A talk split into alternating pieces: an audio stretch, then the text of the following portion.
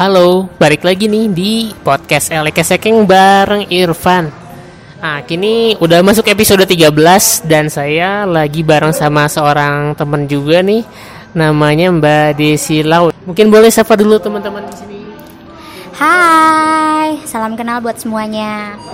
Ya, kita kenal mungkin udah tiga tahun terakhir ya, tiga tahun terakhir di acaranya Angin Photo School. Jadi Oh, kita iya. sebenarnya sama-sama alumni eh, dari sana ya. Oh iya betul betul betul betul betul betul. betul. Jadi kebetulan waktu itu ada acara sharing eh, Mbak Desi sebagai pematerinya dan Hmm. saya itu sebagai pesertanya dan alhamdulillah menang menang juara dua. Asik. Tapi Iya. seru ya, Iya, kita seru. bisa ketemu dan akhirnya jadi temen gitu loh. Iya. Nah terus juga itu waktu itu kan Mbak Desi itu eh, diperkenalkannya sebagai blogger ya, blogger blogger makanan. Food blogger, Food blogger ya. ya. Nah, sampai sekarang masih nggak? Sampai sekarang tergantung. Tergantung. tergantung musim. Oh, jadi ada musim-musimnya juga. Ada musimnya. Kalau Musim-musimnya misalnya gimana? lagi sepi, tawarannya lebih banyak jadi pemateri, jadi fotografer ya fotografer. Fotografer. Ya kan namanya juga mencari sesuap nasi. Iya, ya sama sih saya juga kan eh, di samping kerja ya karena kemarin dulu sempat kerja di media lifestyle. Oh iya betul Kadang-kadang ya karena ada kenalannya dari situ-situ juga ditawarin juga sih jadi food blogger cuman memang porsinya nggak banyak-banyak Iya benar. Sekarang sih porsinya udah nggak banyak. Iya. Karena kan eh, aku harus memikirkan porsi untuk kerjaan utama Nah, gitu. kerjaan utamanya emang apa nih? Eh, sebenarnya, wih sebenarnya brand consultant, sosial media spesialis untuk beberapa brand di Indonesia. Nah, apa aja tuh boleh? itu. Aduh. Boleh nggak disebut-sebut dikit aja? ya kan clue- lumayan nih. clue-clue aja oh, lah iya, ya. boleh, boleh, boleh. Eh, brand sport eh, kalau in, aku megangnya di Indonesia Iya. tapi sebenarnya itu internasional terus habis itu perhotelan juga eh, change internasional terus ada beberapa fashion brand Oh, fashion brand juga ada ya? ada mm-mm. Ini berarti perusahaan sendiri atau Mbak Desi kerja di situ? kalau eh, aku kerja untuk untuk mereka lah gitu Kerja untuk mereka. Ah, ah. aku perusahaan sendiri Oh, yang agensi ya, bekerja kayak ya, agensi kayak ya. gitulah. Kayak agensi Pihak terus ketiga. jasanya. ya Buat itu udah jalan berapa lama kerjaan? udah jalan tiga tiga empat tahunan Tiga empat tahun. jadi lumayan ya. sebenarnya waktu kenal itu sebenarnya udah berjalan Oh, tapi oke. ya karena belum kan belum karena belum kita kan kalau untuk mengenalkan personal branding itu harus pelan pelan Iya, ya benar, nah benar. itu Jadi ngebangun dulu. ya. ngebangunnya makanya pendekatannya tuh waktu itu food blogger dulu Iya, iya, iya. iya, fotografer dulu gitu biar gampang gampang masuknya juga ya. Betul, Apalagi betul, kan betul. food blogger tuh kan eh, lumayan sering ya diundang diundang gitu ah lah ya. iya maksudnya sih Jadinya- biar kita bisa kenal sama yang di Bandung dulu Tapi kayaknya kita juga sering beberapa kali ketemu ya waktu saya jadi betul iya betul waktu saya kerja di media eh, sempat ketemu di GH. Iya, Iya. terus uh, itu malah sebelum uh, acara itu loh. Oh, kita iya? tuh iya kita tuh sempat ketemu terus kenalan. Iya. Kalau nggak salah tuh di acara media. Nah, habis itu ketemu lagi di uh, Situ ya? Iya, Oh, saya di nyadar ya? Angin. Iya, makanya aku pas di angin tuh gini. Kayak pernah lihat. Ini kayak pernah lihat kayak Mas Mas Ivan itu apa apa bukan Ah. gitu. Oh sebelumnya pernah ketemu pernah Iya, ketemu dulu kita justru pernah gitu ya. ketemu di acara-acara media Iya, gitu. iya, iya. Nah pas ketemu lagi itu sebenarnya, nah itulah baru kita kenal kenal beneran. Iya, iya benar benar benar. Terus di Preanger juga pernah kayaknya. Ah, iya. Pas buka puasa Mm-mm. kalau nggak salah. Iya, Iya. ya ampun buka puasa ya pada zamannya. Pada zamannya pas ya udah minggu apa biasanya bulan kemarin pas bulan buka puasa kita sering diundang sekarang udah enggak ya. Iya susah Ya, karena sekarang. corona juga. Iya sedih ya sedih. Susah, susah. Terus kalau kalau nggak salah ya ini waktu di acaranya Angin Photo School tuh eh, sempat cerita kalau Mbak Desi itu sebenarnya eh, asal ininya dari jurusan hukum.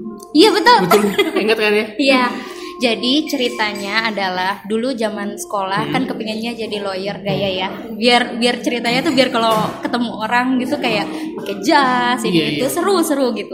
Wah, keren nih kayaknya. Ternyata it's not my passion Hmm. gitu. jadi jadi ngerasa kayak wah ternyata nggak sama nih sama apa yang aku Ah. pikirkan. Iya.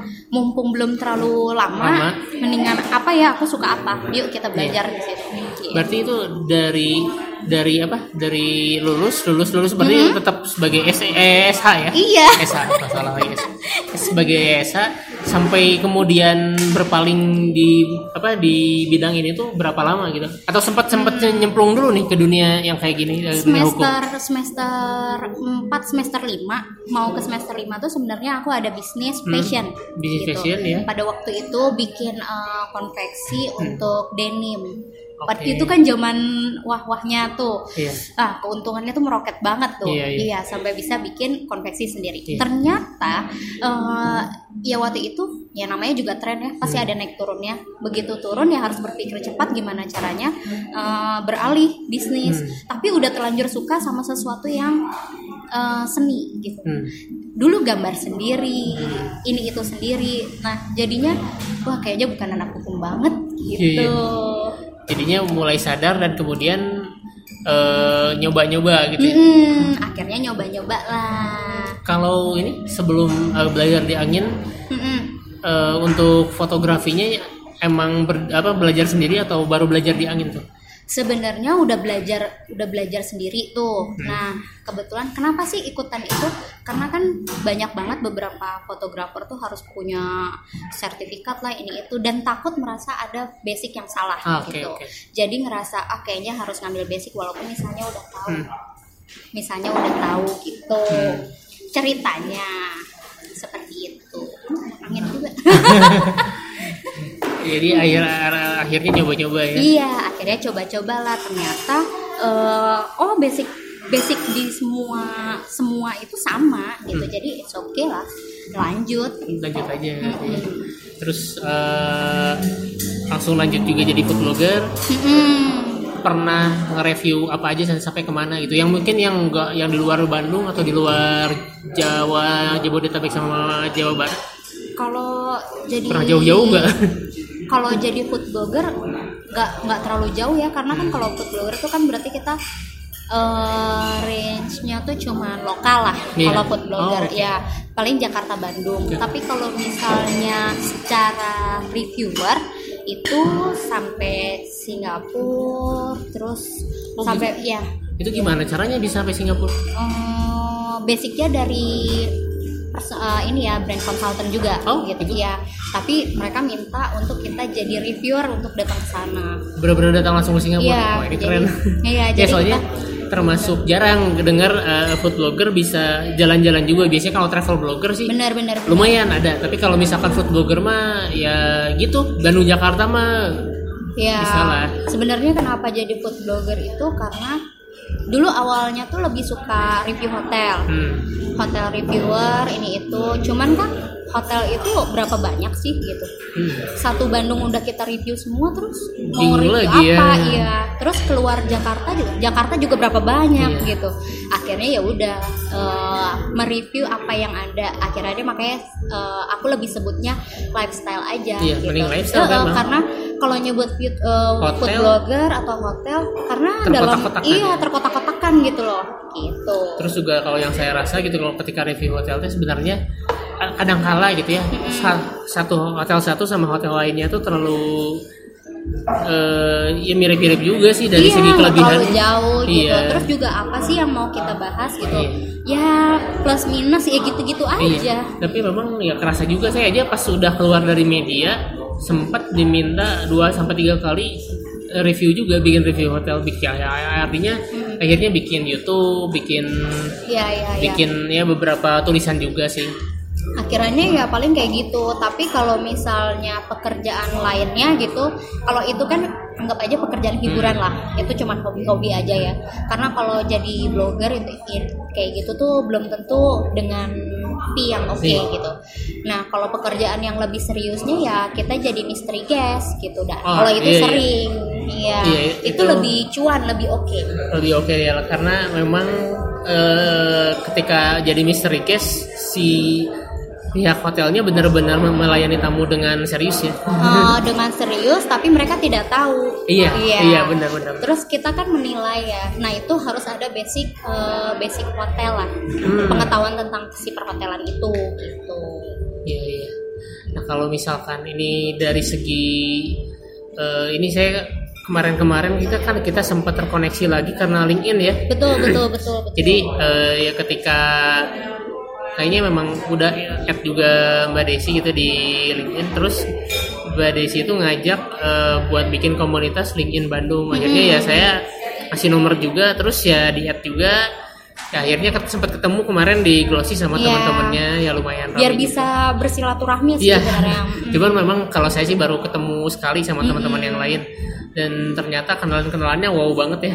sebenarnya mereka asik-asik Iya. apalagi eh, beberapa orang kan memang sudah berpengalaman jauh Iya. gitu ya obrolannya tuh kalau ketemuan tuh mereka tuh sharingnya tuh oke Iya. gitu loh tentang pekerjaan mereka itu seneng Iya. seneng banget tapi kalau misalnya di grup nggak bisa kayak begitu obrolannya harus lebih santai Iya. Lebih ya santai karena dia pengen istirahat juga. kayak aja Iya. pengen hiburan kan Iya. kalau misalnya kita ketemuan tuh lebih asik Iya. gitu loh Mm-mm, makanya Ya, suka pas kemarin-kemarin kenalan juga kaget juga yang datang tuh banyak yang dari GM, GM, iya. GM apa grafika kemarin itu terus hotel mana ini ini wah gila-gila kenalannya gitu. iya seru oh kemarin sempet ketemu Pak Glenn gak sih Pak Glenn kayaknya yang punya mana? yang sekarang di Bali Oh enggak kayaknya. Oh, itu pertemuan Pokoknya pertama. Oh iya, dia Iya. itu terakhir dia di Bandung terus kan ke Bali. Itu juga seru obrolannya karena Iya. pengalamannya juga banyak banget.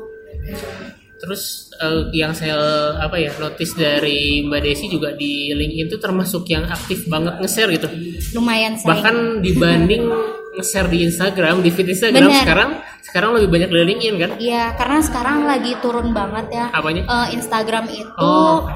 Eh, beberapa influencer lain juga ngerasain namanya impression di Instagram itu sekarang sedang turun semenjak corona. Oh gitu. nggak ngerti kenapa mungkin orang tuh jenuh atau orang tuh eh, beralih ke YouTube Oh, Oke oke. ya jadi kerasa tuh Hmm. gitu jadi akhirnya jadi agak lebih males gitu loh ngapain juga lah Di Instagram gini-gini "Eh, eh, lagi." iya gitu gitu doang TikTok nanti malah aja lah iya banyaknya yang tiktokan TikTok, gitu iya. sedangkan aku nggak tiktokan Iya, sama saya juga ya ya dari kan saya termasuk yang ikut sosial media juga karena memang eh Ya, itu pekerjaannya. pekerjaan dan mengemas diri Iya. juga supaya dikenal sebagai sosial media enthusiast. Tapi untuk TikTok teh saya nggak bisa. Iya, Jadi maksudnya harus harus yang kayak gitu-gitu teh ya ya silakan bisa. memang sih dari dari dari analisa banyak eh, konsultan sama orang-orang tuh katanya TikTok eh, will be there in 2020 gitu ya. Iya betul Tapi- betul betul. nggak bisa. Walaupun memang saya kebayang sih kalau misalkan disuruh bikin konsep TikTok ada lah. Cuman kalau misalkan aku belum siap aja. Begitu ngelihat ngelihat diri sendiri tuh belum siap iya. aja aduh. Makanya beralihnya saya ke podcast aja deh. Iya. karena memang katanya eh nanti 2021 tuh bakal jadi tahunnya podcast katanya Betul, tapi emang iya aku ngerasain ada transisi 2020, 2019 akhir sampai 2020 ini terasa kok transisi podcast tuh sekencang Hmm. Iya. apa gitu.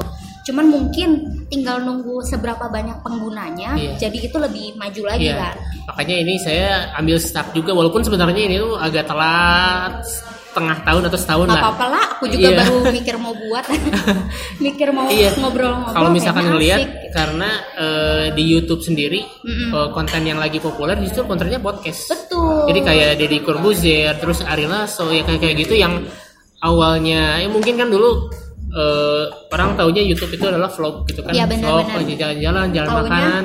Makin lama, vlog aja terus makin kan. lama kan ya lebih terkenalnya sekarang eh, podcast, konten Benar. podcast dan mereka juga kadang di selain di eh, di posting di YouTube, diposting juga di podcastnya ya di di Spotify-nya. Jadinya dua jadinya ya menyenangkan juga sih karena Benar, memang benar. eh, bedanya kalau misalkan podcast tuh kita bisa eh, apa ya bisa ngedenger tetap kedengerin nikmatin kontennya tapi tanpa harus ngeliatin ngeliatin terus HP kan Iya, sebenarnya podcast itu versi modern dari radio lah Iya. gitu. Tapi enaknya podcast tuh bisa diulang-ulang. Iya, gitu. benar-benar. Kalau radio kan perjalanan dengar kita nggak bisa ngulang lagi kan, gitu. Kecuali kalau kita rekam, itu kalau niat banget. gitu. Iya, kalau zaman dulu ini ngerekam saya ngerekam Nightmare Side Oh iya iya iya iya. Zaman- Biar zaman bisa SD. didengar lagi. Denger lagi. Tapi kan itu harus niat. harus niat, harus bener-bener Tuh. Hadir pada saat itu juga dan ngerekam gitu. Cuman ya kalau sekarang kayaknya enggak.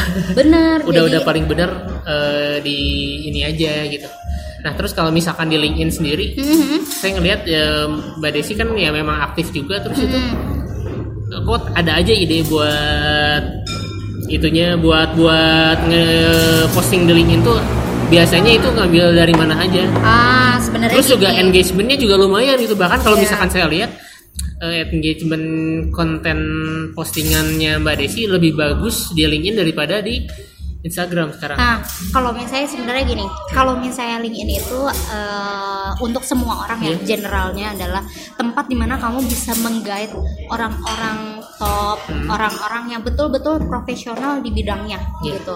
Dan itu adalah kesempatan gitu di saat mereka online Hmm. Oke, gitu. Sedangkan orang-orang seperti itu gak akan punya waktu, bukan gak akan pernah ya, tapi mungkin waktunya sedikit untuk online di Instagram. Hmm. Sedangkan kalau aku pembahasannya seperti di LinkedIn, Hmm. aku pindahin ke Instagram, Nggak masuk, nggak bisa, nggak akan masuk gitu. Karena apa? Terlalu berat. Iya. Anak-anak Instagram nggak gitu, gitu.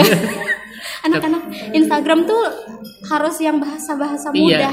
Tapi kalau LinkedIn justru formal banget. Iya, kalau LinkedIn formal tapi eh, efektif Iya, gitu. efektif. Karena mereka pembacanya pun orang-orangnya bukan orang-orang yang pengangguran gitu. Iya. Tapi berarti tujuan lebih aktif di LinkedIn tuh buat ngegedein bisnis juga kan?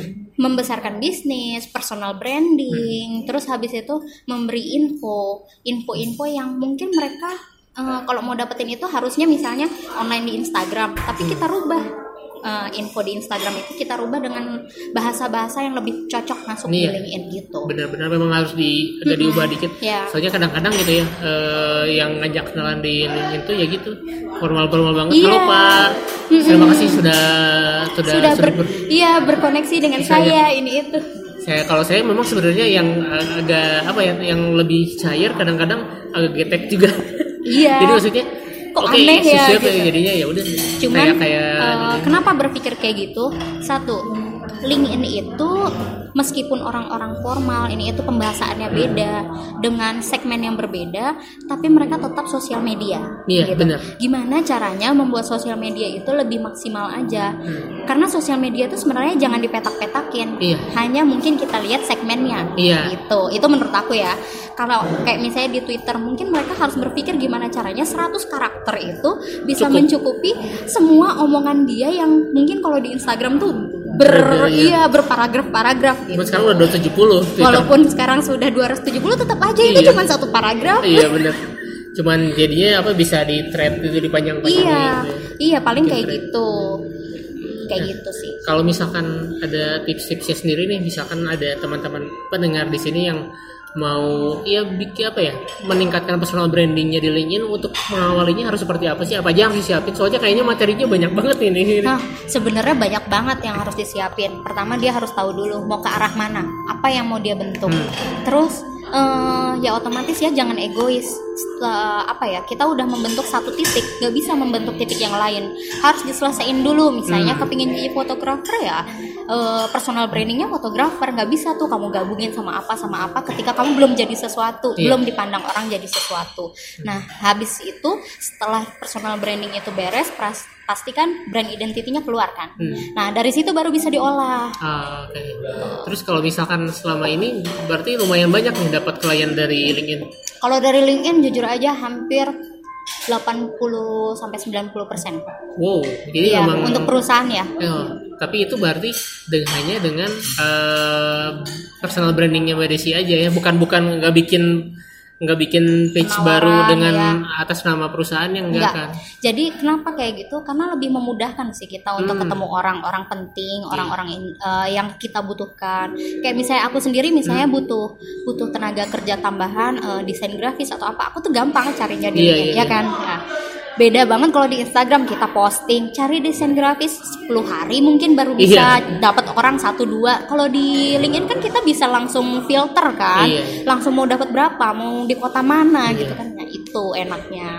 Terus kalau misalkan dari eh, yang kemarin kenalan di komunitas LinkedIn Bandung itu ex klien berarti semuanya atau Hmm, enggak. kenalan aja? itu ada yang klien, ada yang eh, kenalan di Hmm. LinkedIn dan aku lihat profilnya cukup oke, Hmm. orangnya juga oke.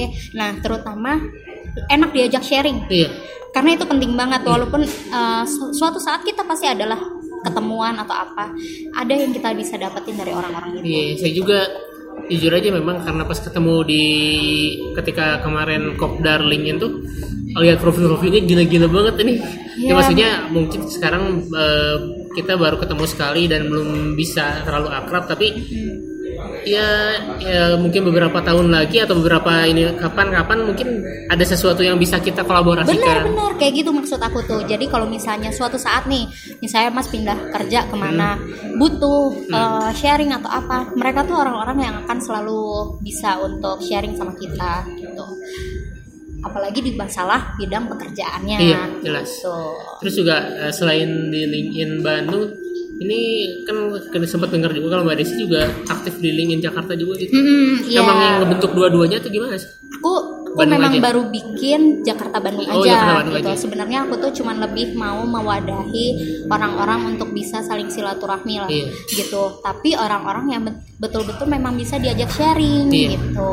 Nah, kayak gitu baru Jakarta Bandung. Sebenarnya udah ada permintaan-permintaan dari kota lain, cuman takutnya hmm, Jakarta Bandung dulu deh. Iya, Iya, Jakarta Bandung dulu deh kita harus lihat harus dulu. bisa apa ya harus udah punya eh, program yang jelas dulu di antara keduanya. Kalau udah jelas mah gampang kan? Soalnya eh, beda kota, beda culture. Iya. Nah itu kan kita harus mempelajari itu gitu. Iya.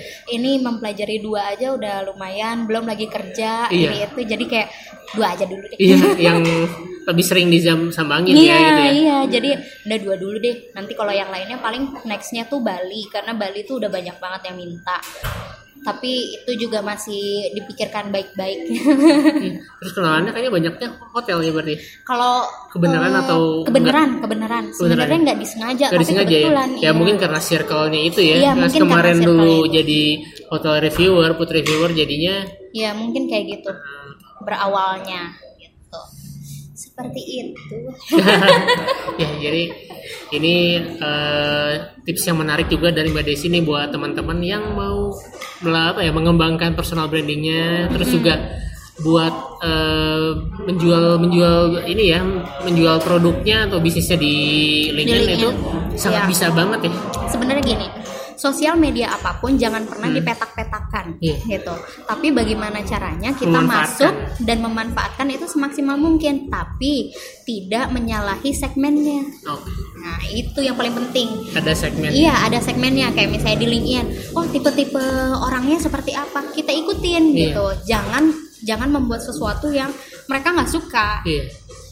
Gitu. bener sih saya juga sempet sih beberapa kali posting eh, blog sama eh, apa sih podcast ini di Iya, iya. LinkedIn tapi Hah. memang nggak semua saya milih-milihin dulu beberapa yang bisa masuk beberapa yang enggak gitu karena kadang-kadang takutnya pas saya posting malah jadi krik-krik gitu Banyak juga loh profil-profil di LinkedIn itu yang orang-orangnya memang menurut aku pantas untuk kita ajak bicara, kita ajak Iya. sharing itu banyak banget dan mereka tuh orang-orangnya tuh kebanyakan emang nggak pelit sharing tuh Sharing enak aja. Hmm. iya bahkan di kehidupan sehari-hari kita gitu ya kalau misalnya lagi santai kita WA pak pak kalau kayak gini tuh biasanya gimana ya dia bisa jawab langsung oh ya ini ini, ini. maaf ya lagi ini gitu dia ngomong nyantai banget ya Iya, berarti ya. dan itu menyenangkan gitu loh. Dapat sesuatu yang kita nggak tahu Hmm. ataupun dapat penjelasan dari orang-orang yang sudah berpengalaman itu nggak ternilai Mahal lah, ya, mahal, mahal banget. Mm-mm. Nah, terus untuk ke depannya apalagi nih yang eh, Mbak Desi rencanakan ya maksudnya dari, dari segi pekerjaan, karir, yang dan yang lain-lain. Kalau aku sih eh, lagi ngurusin sebenarnya si agensi yang tadi Hmm. disebut agensi itu aku sedang mengurus itu gimana caranya bisa ya bisa lebih baik lagi, lebih baik lagi, improve lagi Hmm. Iya. kayak gitu.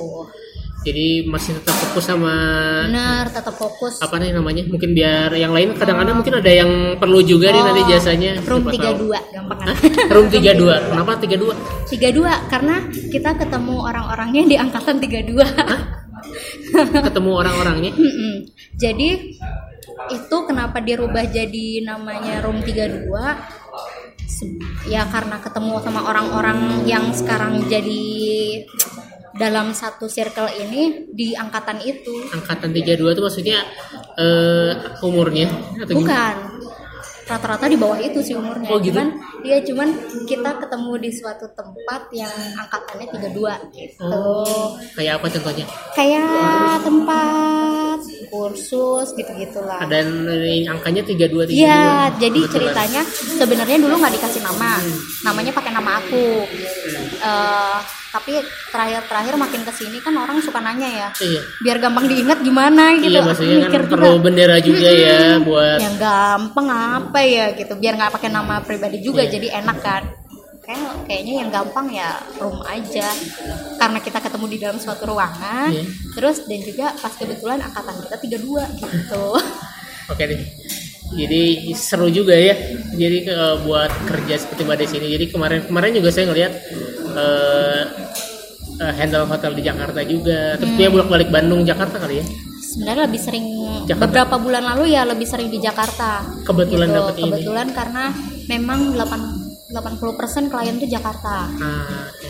Bandung tuh cuman kayaknya cuman berapa biji gitu Iya sih ya.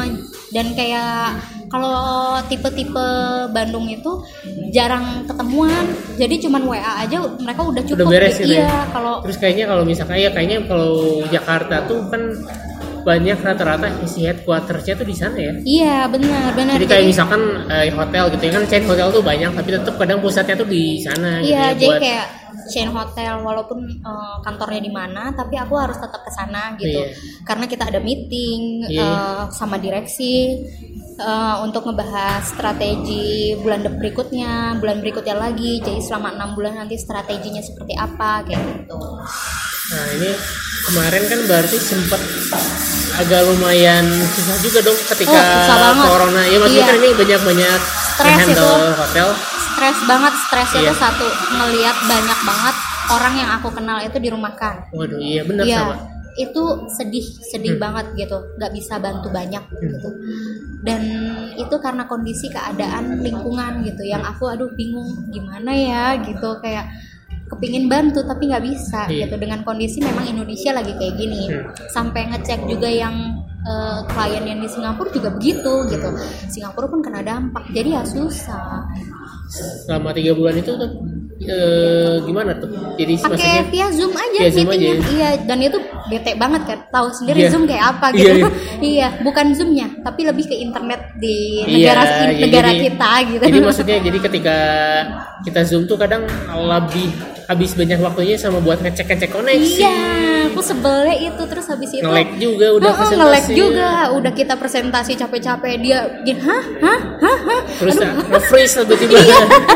itu bete banget kesel ya makanya kadang-kadang ya saya juga kan sempat eh, ngajakin teman lain buat ikutan ini buat podcast ini cuman ternyata apa ada juga yang permintaannya udah zoom aja atau whatsapp call Aduh, atau gimana? enak, nggak nggak enak. Soalnya karena saya bikin si podcast ini tuh memang tujuannya buat ya silaturahmi juga networking juga sama sama teman-teman yang lain jadi biar ada iya biar ketemu aja sih gitu iya bener soalnya sebenarnya lebih enak ketemu sih Iya, kita bisa kita ngobrol. masih tetap eh, jaga juga kan, itu kan si ininya, si eh, apa si silaturahminya bisa tetap terjaga. aja. betul Tetap Terus menjaga lebih apa? Eh, kita kan tetap social distancing juga. Iya, terus kalau ngobrol itu kan sebenarnya lebih banyak eh, yang bisa kita sharing kalau ketemu. Iya, gitu. Kalau misalnya walaupun digital kan orang-orang bilangnya itu kan tatap muka juga, tapi beda. Enggak beda. Tapi entah ya, ini mungkin saya nggak tahu ya. Tapi kalau Hmm. misalkan saya mah termasuknya generasi Y gitu ya. Iya, Beda mungkin sama generasi Z yang sangat-sangat apa ya, sangat-sangat sosial media gitu. benar benar benar. Tapi emang beda, nggak nggak gimana ya? Kayak orang-orang mungkin bisa zoom tuh karena mungkin terpaksa sih. Tapi kalau misalnya ada pilihan untuk ketemuan pasti ketemuan. Iya pasti. Sebetulnya. Tapi tergantung orang-orangnya kali ya. Orang-orang yang demen di rumah sih kayaknya happy sih. Happy. Iya, kalau aku nggak bisa. Iya sama saya juga. Iya. Wah kemarin ya sampai sekarang pun kan masih masih WFH sebenarnya. Walaupun kadang-kadang udah kalau dipanggil ke kantor ya ke kantor. Cuman tetap dia tuh, aduh di rumah tuh sangat menderita gitu. nggak usah gitu aku aja yang harusnya biasanya meeting itu kita tuh visit visit hotel visit outlet eh visit visit gitu tuh pokoknya sebulan satu dua kali lah Hmm. gitu ke brand-brand aku tuh itu kan cuma sekali-kali aja kan nggak tiap hari tapi itu aja kerasa gitu loh nggak nggak pergi Nggak pergi pergi ke mana. iya kesel Ini sekarang eh, lagi nge-maintain berapa brand ya? Hmm, semenjak corona ya, ad- semenjak corona ini ada yang di freeze, di Oh, iya. hold ya, karena kan Nggak bisa jalan juga mereka. Iya, ya? mereka nggak bisa jalan, nggak bisa ada penjualan dan nggak ada uang pemasukan masuk Hmm. gitu. Kasihan juga. Iya. Walaupun masih under kontrak, tapi kitanya juga harus pengertian lah. Ya, jadi ada yang beberapa bukan beberapa banyak yang di freeze, di hold sampai waktu kemungkinan kalau sudah baik gitu. Hmm. Tapi yang masih berjalan eh, kurang lebih 8 lah Delapan ya. Wow, lumayan ya Iya. itu jalan semua tapi. jalan semua tapi ya itu kitanya juga harus lebih pengertian kita yang harus ngecek ngecek Iya. maksudnya kalau misalnya eh, kita tahu kondisi mereka sedang tidak baik alangkah lebih baiknya kita yang lebih pengertian Iya, lah iya. Heeh. Dalam kondisi soalnya kalau kemarin juga saya ngelihat ya kan banyak juga saya eh, rekan-rekan eh, hotel juga yang dulu kenal gitu kayaknya lumayan wah su- sulit juga gitu ya. Memang ada beberapa yang bisa menyesuaikan tuh ya dengan cara bikin paket eh, F&B gitu kan ya yang di- dianterin ke rumah. Terus juga malah ada juga yang beberapa yang dia jual jasa servis oh iya Ada- iya iya, banyak banyak yang banyak kayak kan gitu. jasa servis AC ya mungkin dia buat gaji maintainernya juga ya Nah, di sana. itu tuh salah satunya ini yang pernah aku share di LinkedIn tuh Hmm. ada eh, orang Bali gitu orang perhotelan tapi di Bali. Nah mereka tuh bikin eh, dia itu ingin membantu orang-orang perhotelan yang dirumahkan Ah. dengan membuat sesuai jasa yang mereka bisa. Tuh, kayak iya, bisa iya. iya. Nah kenapa aku mendukung itu? Karena itu alangkah sangat baik ya di masa kayak gini Iya, tuh. Hal benar. itu yang bisa kita perbuat untuk yang lain. Setidaknya gitu ya. Saling support. Iya. ya cuman itu yang bisa kita perbuat ya gitu. karena ya kalau misalkan sampai kosong banget ya kan kasihan lah. banget ya. banyak yang dirumahkan otomatis nggak dapat gaji. Mereka punya tanggungan Iya. punya anak punya cicilan punya ini itu. Kan nggak mungkin dapat bantuan dari pemerintah juga gitu Iya, ya. ya hal yang bisa kita bantu ya kita saling support yang di masa sekarang. Ya cuman kayak gitu nah kemarin aku aku coba tuh ya udah coba sini aku eh, coba posting ini itu. Ya alhamdulillah ada Ya, aja. ada aja, ya. iya ada aja. Terus dia juga bilang "Eh, Mbak ada tahu yang ngehubungin ini itu tahu dari itu? Oh iya ya syukurlah kalau bisa saling support gitu. Itu happy aja sih kalau bisa kita bisa support orang. Nah ini kalau misalkan ada nih yang teman-teman di sini yang pengen kenal Mbak Desi lebih dekat eh, kontaknya ke mana nih? Mungkin sosial medianya atau boleh di LinkedIn juga boleh. Eh, bisa dicariin. Tulisannya D E E C Y L A U W atau di Instagram juga sama, Hmm. Sama ya. tulisannya D E E C Y L A U W. Gitu. biar sama semua ya, ya biar nggak susah biar nyarinya. nggak susah gitu. Oke deh, eh, mungkin sekian aja nih ya, obrolan seru kita kali ini. boleh Kita ketemu lagi nanti minggu depan Sip. ada bersama eh, tema dan person lain yang menarik juga. Bye bye. bye